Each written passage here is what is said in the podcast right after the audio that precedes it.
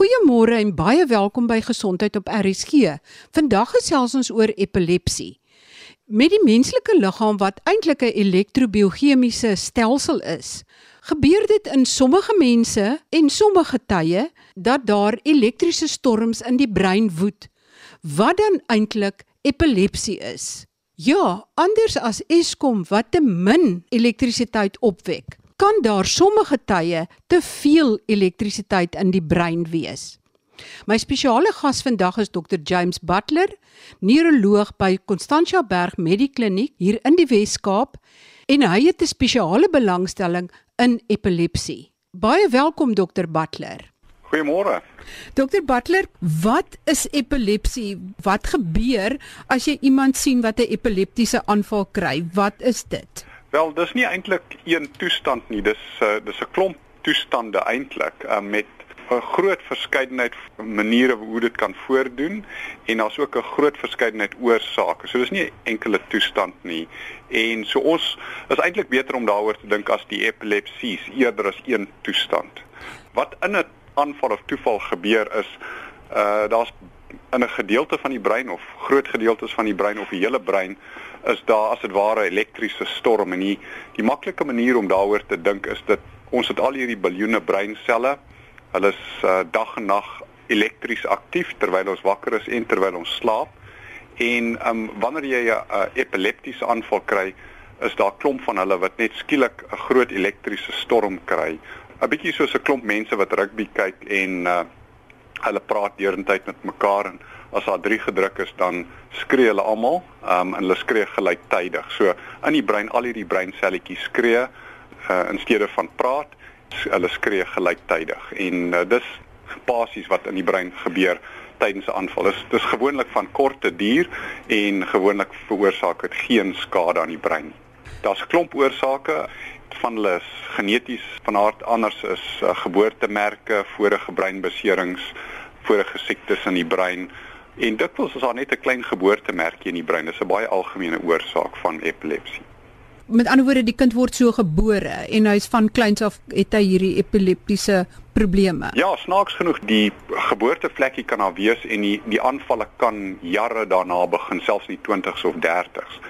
En net soos as 'n mens byvoorbeeld in 'n motorongeluk is en jy kry breinbesering, alles daar klein ou litteken daar kan al lank tyd verbygaan tussen wanneer jy die besering gekry het en wanneer jy jou eerste aanval kry. Dit was ook vir my interessant dat toe ek in Mtata was dat daar verskeie pasiënte met epilepsie is wat lintworm eiers het wat op die brein agtergebly het of wat daar nes geskop het. Ja, dit dit is 'n oorsaak. Dis dis nie 'n baie baie algemene oorsaak nie. Dit is meer algemeen in die Oos-Kaap, uh, maar nog steeds nie die mees algemene oorsaak nie. So as jy enige infeksie in die brein kry of dit nou lintworm is of TB of uh, enige ander infeksie, encefalitis of meningitis, dan kan dit 'n litteken veroorsaak. Um, en dit kan baie baie klein wat met die lintworm gebeur is 'n mens kry letterlik die worm gaan dood en daar's net 'n klein area van verkalking en uh, dit dit kan aanvalle veroorsaak uh, jare na jy die die infeksie gekry het. Jy kan dit ook akut kry tydens die infeksie. So wanneer die lintworm eers in die brein as dit ware kom en bietjie swelling veroorsaak, dan kan jy daai tyd ook aanvalle kry. En kan dit gebeur dat dat dit van self weer weggaan? of nie? Ja, dis 'n dis 'n baie goeie vraag. So, ehm um, met die idee dat daar baie oorsake is, is daar groot verskeidenheid prognoses. Met ander woorde, mense met byvoorbeeld die genetiese vorms van epilepsie het die hoogste kans om dit mettertyd te ontgroei. So daar's sekere vorms van die genetiese vorms van epilepsie waar ons kan waarborg dat dit teen 'n sekere ouderdom gaan weggaan daar sekere van die genetiese vorms van epilepsies waar mens kan sê daar's 'n hoë kans dat dit sal weggaan terwyl van die ander oorsake byvoorbeeld as jy byvoorbeeld in die verlede baie erge encefalitis in die brein gehad het en jy epilepsie as gevolg daarvan as jy lank die epilepsie gehad het dan is die kans baie skraal dat dit van self gaan weggaan. So dit hang af van die oorsaak Jy het nou gesê daar's mense moet praat van epilepsies. Is dit dan ook wat jy bedoel dat mens verskillende soorte aanvalle kry? Ek bedoel in die ja. mediese terme praat jy van grand mal en petit mal. Kan ja. jy bietjie daarvan verduidelik hoe ja, dit, dit werk? Ja, dit kyk soos alle dinge dit kan redelik ingewikkeld word, maar in in beginsel die simptome is maar 'n simptoom van wat in die brein aangaan en die die brein is ehm um, gespesialiseer om verskeie funksies in verskeie gedeeltes van die brein uit te voer. So as jy 'n aanval in 'n sekere gedeelte van die brein kry, dan gaan jy simptome kry volgens waar daai aanval is. Byvoorbeeld as dit in in een van die algemene plekke in die brein is is in die temporale kwap waar ons onder andere spraak en geheue het. So as dit in in die gedeeltes is waar daar geheue is, dan mag jy net voordink met déjà vu of dinge beelde wat jy voorheen gesien het en onthou het of jy mag dinge ryk of proe ensovoorts. Terwyl dit sê net maar dis in die spraakarea dan mag jy net skielik ophou praat en nie kan praat nie. Of ehm um, as dit nie gedeeltes is van die brein wat jou motoriese funksie beheer dan sal jy voordoen net met rukke byvoorbeeld in 'n hand of 'n gesig of 'n been. En as dit redelik wyd versprei deur die brein dan sal jy bewussyn verloor. As dit nie gedeelte is waar jou geheue is mag jy net jou geheue verloor sonder dat jy enigstens omval of um ruk of enigiets. So jy mag net staar en niks onthou van die episode nie. So die die simptome, daar's 'n groot verskeidenheid simptome afhangend van waar dit is. Die die bekende aanval is natuurlik die grand mal. Dit dit is die ou term daarvoor uit die uit die Frans. En dit is wanneer iemand val en hulle ruk aan beide kante, die spiere trek styf en omdat die spiere styf trek, word die lug uit die longe uit geforseer so mens maak dikwels 'n geluid as gevolg van daai lug wat skielik deur jou deur die uh, keel gaan. Soms maak mense hulle nat. En dit is maar al daai simptome is maar net 'n simptoom van 'n aanval wat in beide gedeeltes van die brein voorkom wat jou motoriese funksie beheer. Met ander woorde hy's beide kante hy's beide kante in die frontale lob en dis hoekom jy 'n grand mal kry. Ek het so tydjie terug gelees van 'n pasiënt wat oorlede is na 'n baie ernstige groot epileptiese aanval. Ja. Hoe gebeur dit? Waaraan sterf jy dan? Kan jy nie ja. meer asemhaal nie of wat? Wel, dit is nie so seer dat mense nie kan asemhaal nie. So, eerstens om te sê, mense met epilepsie, as jy nie byvoorbeeld 'n gewas het of so iets as die oorsaak nie, is jou kanse om dood te gaan net klein bietjie groter as enigiemand anders wat nie epilepsie het nie. So in al die jare het ek maar 'n paar keer gesien wat dit gebeur het. So dit gebeur, maar dis 'n dis 'n baie klein risiko. En wanneer die epilepsie in 'n sekere gedeelte van die brein voorkom, dan kan dit die veral die gedeeltes wat die hart se ritme beheer, dan kan die hart baie stadig gaan of hy kan gaan staan tydens 'n aanval. En jy kan sien as dit vir lank aangaan, dan gaan die persoon doodgaan. En dieselfde as dit in die gedeeltes van die brein is wat jou asemhaling beheer en dit veroorsaak dat daai gedeelte nie die die asemhaling deeglik beheer nie, dan um, stop mense gewoonlik eenvoudig om asem te haal en dan um, kan jy doodgaan daarvan. Daai daai is 'n baie baie klein risiko. Om jou idee te gee, die die gemiddelde risiko in iemand wat andersins gesond is, maar net epilepsie het, is seker iets soos 1 in 1000 of 1 in 1500 uh jare. Met ander woorde, dit is nie net in die groot harsings waar die fout in die brein kan wees nie. Dit kan ook so diep soos die midbrein en die diep in die brein wees. Nee, dit As, dit is eintlik dit is nooit epilepsie is nooit in die breinstam self nie. Ja. Um of in die midbrein nie. So dit is sodat um asemhaling en jou hartritmes deur daai gedeeltes beheer word, maar hulle word weer in uh, van van bo af as dit ware beheer. So wanneer jy epilepsie het in wat ons noem die autonomiese gedeeltes van die brein wat met ander woorde wat onder andere jou hartritme beheer, dan kan dit die breinstam affekteer wat natuurlik die inligting onder na jou spiere toe stuur mens sien iemand wat op die grond lê wat geval het na 'n epileptiese aanval. Ja. Wat staan 'n leek te doen? Weet okay. mens sien dit gebeur, moet jy iets met die tong doen? Wat moet jy doen? Ja, goeie vraag.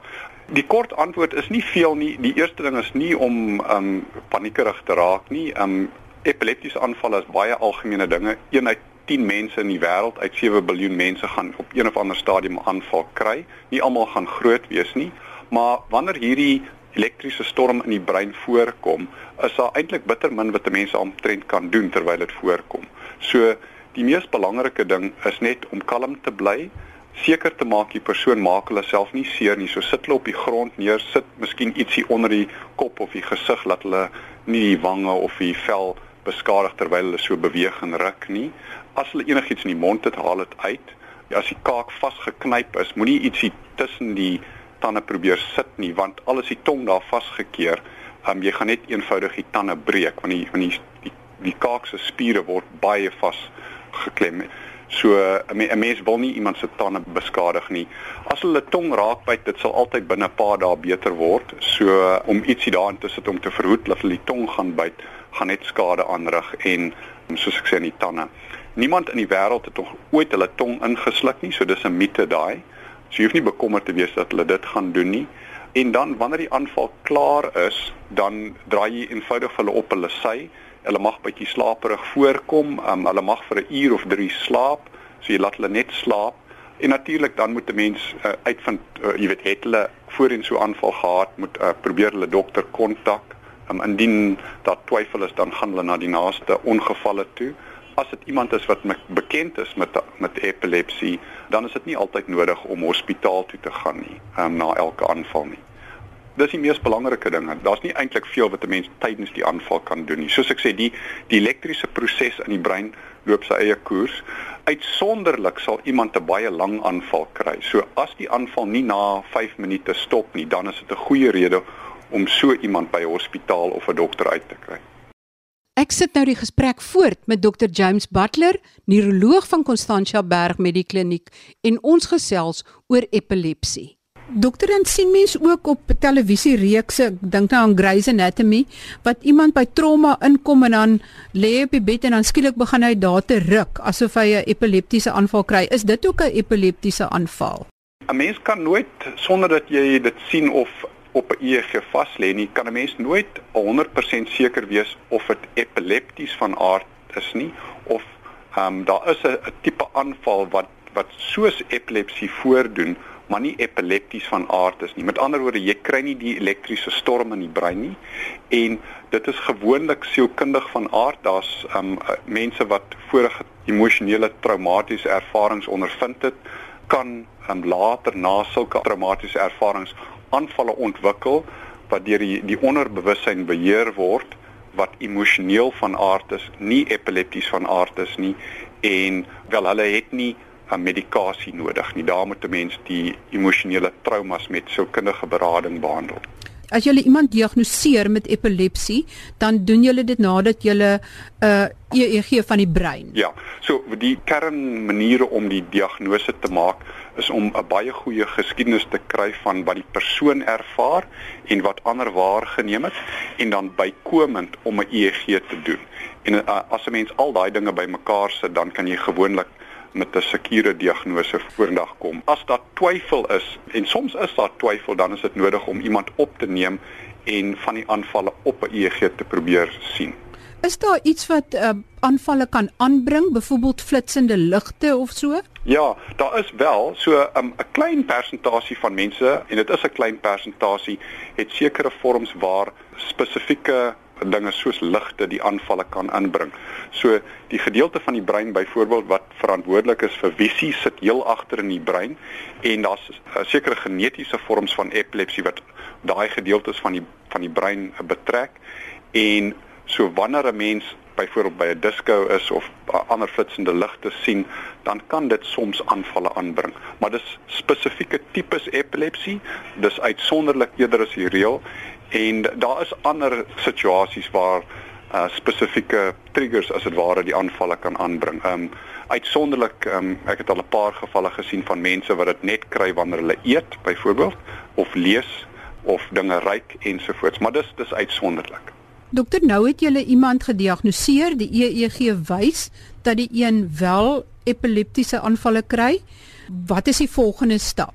Wel die die volgende stap is om um, die pasiënt en hulle familie as dit as dit nodig is in te lig oor die toestand dat hulle kan verstaan wat gaan aan dat hulle kan verstaan wat die toekoms inhou uh, dat hulle verstaan hoe wat die aard van die behandeling is. Um, 'n mens moet ook soek na die oorsaak. So dit dit stel 'n mens vas deur die geskiedenis te neem, as haar familiegeskiedenis was daar voorheen breinsiektes gewees en dan baie kere is dit nodig om 'n MRI te doen om te gaan soek na hierdie klein dingetjies wat ons genoem het soos vorige infeksies of geboortemerkies ensovoorts. En dan as dit duidelik is na, na die eerste aanval, as dit nie altyd 'n uitgemaakte saak iemand gaan weer aanvalle kry nie, maar as dit duidelik is dat iemand waarskynlik of baie waarskynlik of weer uh, aanvalle gaan kry, dan is dit nodig om so iemand op medikasie te sit. Ons kies die medikasie wat mees gepas is vir daai spesifieke tipe epilepsie en dan moet ons hulle inlig dat jy weet dis 'n behandeling wat gewoonlik ten minste 'n jaar nodig is en dan moet hulle ook ingelig word oor die die klein risiko's van neeweffekte en wat daai neeweffekte is. So as daar neeweffekte is dat ons die medikasie kan verander en dan begin 'n mens so iemand op medikasie. Met ander woorde daar's meer as een soort medikasie wat oh, geneem ja. kan word. En ja. as jy as jy een te veel neeweffekte van een middel het, kan jy dit dan oorskuif na 'n ander middel toe. Presies. Ja, so kyk die die die belangrikste ding is om iemand se kwaliteit van lewe so goed as moontlik te maak. So dit help eintlik nie iemand as daar neeweffekte is nie, want hulle moet elke dag en soms uh, heeldag daarmee saamleef. So jy kan sien as ons iemand gaan begin op medikasie, ek sê altyd vir pasiënte dit moet 'n bietjie wees soos tandepasta gebruik. Jy moet dit gebruik, dit moet probleme voorkom en dit moenie probleme skep nie. Dit dit is die doelwit van behandeling en en dan verbeter jy iemand se lewenskwaliteit. Dokter Butler, as mens kyk na medikasie, in watter persentasie van gevalle is dit effektief en kan dit heeltemal verdere epileptiese aanvalle voorkom? Ja, so as jy 100 mense vat wat epilepsie ontwikkel met ander woorde meer as een aanval in hulle lewe, dan gaan jy 'n um, 'n volkomme beheer kry van die aanvalle in tussen 60 en 70 mense uit elke 100 afhangend van die soos ek voorheen gesê die die die tipe maar dis die gemiddel. Met ander woorde 60 tot 70% kan dan heeltemal epilepsie vry lewe. Dis reg, ja. Goed. En dan vir daai oorige 30-40% is daar enige hulp vir hulle? Ja, so as iemand steeds aanvalle kry, dan die eerste ding wat jy moet doen is jou diagnose bevraagteken. Het jy die regte diagnose? Is dit inderdaad epilepsie of is dit soos ek voorheen genoem het 'n vorm van aanvalle wat nie epilepsie is nie. In daai geval moet 'n mens gaan seker maak oor jou diagnose, miskien verdere EEG's doen, miskien iemand in die hospitaal sit, hulle medikasie onttrek en seker maak dat dit 'n vorm van epilepsie is. Ehm um, as dit wel so is, dan die tweede ding om te vra is het jy die regte medikasie vir die spesifieke tipe epilepsie gegee? En dan as as dit so is dat jy wel dit gedoen het en iemand kry steeds aanvalle, veral na mens twee medikasies probeer het, um, wat gepas is vir die pasiënt, dan is die kanse baie skraal of jy weet seker minder as 5% of 10% dat die dat die epilepsie ooit sal van self weggaan of deur ander medikasies heeltemal beheer sal word. En in sulke gevalle moet 'n mens dan redelik vroeg die moontlikheid van chirurgie oorweeg. In beginsel wat dit behels is um, 'n mens probeer die proses in die brein mooi verstaan. So jy bring iemand in die hospitaal in, jy koppel hom aan aan 'n EEG masjien met 'n videokamera op hulle, so ons kan sien presies wanneer iemand 'n aanval kry. Ons het 'n mikrofoon so ons kan hoor wat aangaan. Ons onttrek die medikasie, ons induseer as dit ware met met deur die medikasie onttrek 'n aanval. As iemand klomp aanvalle dag kry, dan is dit natuurlik nie nodig nie. En dan werk ons uit wat gaan in die brein aan, waar ontstaan die aanvalle? En as dit in 'n gedeelte van die brein ontstaan, dan um, 'n spesifieke gedeelte, dan kan 'n mens gewoonlik chirurgie doen. Daar's bitter min plekke in die brein waar jy eintlik nie kan opereer nie, wat wat 'n mens dinge nie kan doen nie. En as iemand 'n uh, epilepsie het wat net in een plek begin of as dit waar in daai gedeelte ontstaan, dan in die meerderheid mense, nie almal nie, kan jy hulle toevalvry kry sê maar dit is nou in een plek. Wat presies is dit met laser? Is dit met uh, sny julle hoe hoe well, kry julle daai ja, plekkie weg? A, die neurochirurg gebruik ietsie wat ons in Engels noem 'n ultrasonic aspirator. So basies dit stuur 'n klomp impulse na die brein en so te stel dit maak daai gedeelte as dit ware sag en jy suig dit eenvoudig uit. Nou kan daar waar hy nou geopereer het of die stukkie wat uitgesuig is, kan dit nou nie nuwe littekenweefsel veroorsaak wat weer lei tot epileptiese aanvalle nie. Ja, dis 'n baie goeie vraag. Kort antwoord is uh, dit blyk nie so nie. Ehm um, jy weet chirurgie word al seker 70, 80 jaar gedoen en ehm um, ons die, die wêreld oor sien mense glad nie ehm um, aanvalle wat ontstaan in as dit ware die die rand van waar jy voorheen on, uh, geopereer het nie die bottom line as dit ware is dat die die operasie werk, hy's effektief, um en ons sien nie epilepsie wat in daai randjie begin nie. Is die pasiënt by sy positiewe as jy hierdie operasie doen sodat jy kan toets sê maar dat hy nog kan praat as jy iets vernietig of so? Ja, so as ons as ons naby belangrike gedeeltes is soos byvoorbeeld spraak, wat ons gewoonlik doen is ons doen twee dinge. Ons um, met baie sulke pasiënte sit ons elektrodes direk op die brein en hulle gaan in die eh, met 'n operasie en dan um, gaan hulle terug in die saal in en terwyl hulle daar lê kan ons dan met 'n masjienkie 'n bietjie um, uh, elektrisiteit as dit ware deur daai gedeelte van die brein sit of die die die gedeeltes waar ons beoog om te opereer en ons kan sien deur wanneer jy vir 'n paar sekondes uh, elektrisiteit deur daai gedeelte sit kan jy sien of dit die spraak affekteer en dan kan jy aflei of daar spraak is. So ons kan ons kan dit baie noukeurig so uitwerk waar die die belangrike funksies lê. En dan wanneer ons iemand in die teater inneem, um as dit nodig is, soms as ons weer eens as ons naby die spraakarea byvoorbeeld is, dan doen ons presies dieselfde ding. Ons maak hulle wakker tydens die operasie. Dit mag sleg klink, maar eintlik hulle onthou niks daarvan nie en dis nie 'n onplesierige ervaring nie. Um en dan doen ons presies dieselfde ding. Ons stimuleer daar met ons uh, ons het 'n klein masjien wat ons daar met ons gebruik. Um en dan werk ons uit presies waar die spraak lê. So jy werk uit waar die epilepsie lê en dan werk jy uit waar die belangrike funksies is soos motoriese funksie vir die hand of jou visie of spraak. As 'n mens ver weg daarvan af is en jy weet dit is veilig dan dan is dit nie nodig nie. Dokter Butler en as daar meer as een fokusarea in die brein is, is dit dan nog steeds chirurgie nog steeds suksesvol? Ja, kyk, dit word dan meer ingewikkeld. Soos jy sê, daar is ingewikkelde probleme waar mense waar dit meer as een plek begin. Die kort antwoord is jy kan nog steeds chirurgie doen. Eerstens jy moet dit met die pasiënt bespreek. Soms is dit nodig om twee operasies op verskillende tye te doen. Soms wat ons al gedoen het is jy identifiseer by byvoorbeeld twee plekke, maar jy sien dat uit 10 of 15 aanvalle kom die meerderheid van die een plek af. So jy opereer op die een waar die meeste aanvalle ontstaan en dan probeer jy met medikasie dit aan die ander plek beheer en as dit nie werk nie dan opereer jy daar. So mense kan dit ook doen. En snaaks genoeg soms uh, het ons al mense gedoen waar jy die een plek opereer en dan word hulle goed beheer uh, ten spyte van die feit dat daar epilepsie elders ontstaan en dan jy weet die die medikasie doen dit dan uh, voldoende. Dokter Butler, as jy 'n boodskap vir die luisteraars in een sinnetjie moet opsom oor epilepsie, wat sal dit wees? Wel ek dink dit gaan oor lewenskwaliteit en vir die oorweldigende meerderheid van mense kan jy 'n goeie lewenskwaliteit gee. So 'n mens moenie um, moedeloos raak nie. Um, 'n Mens moet die die die probleem takel, jy moet dit verstaan en jy moet die beste oplossing vind wat jy moontlik kan.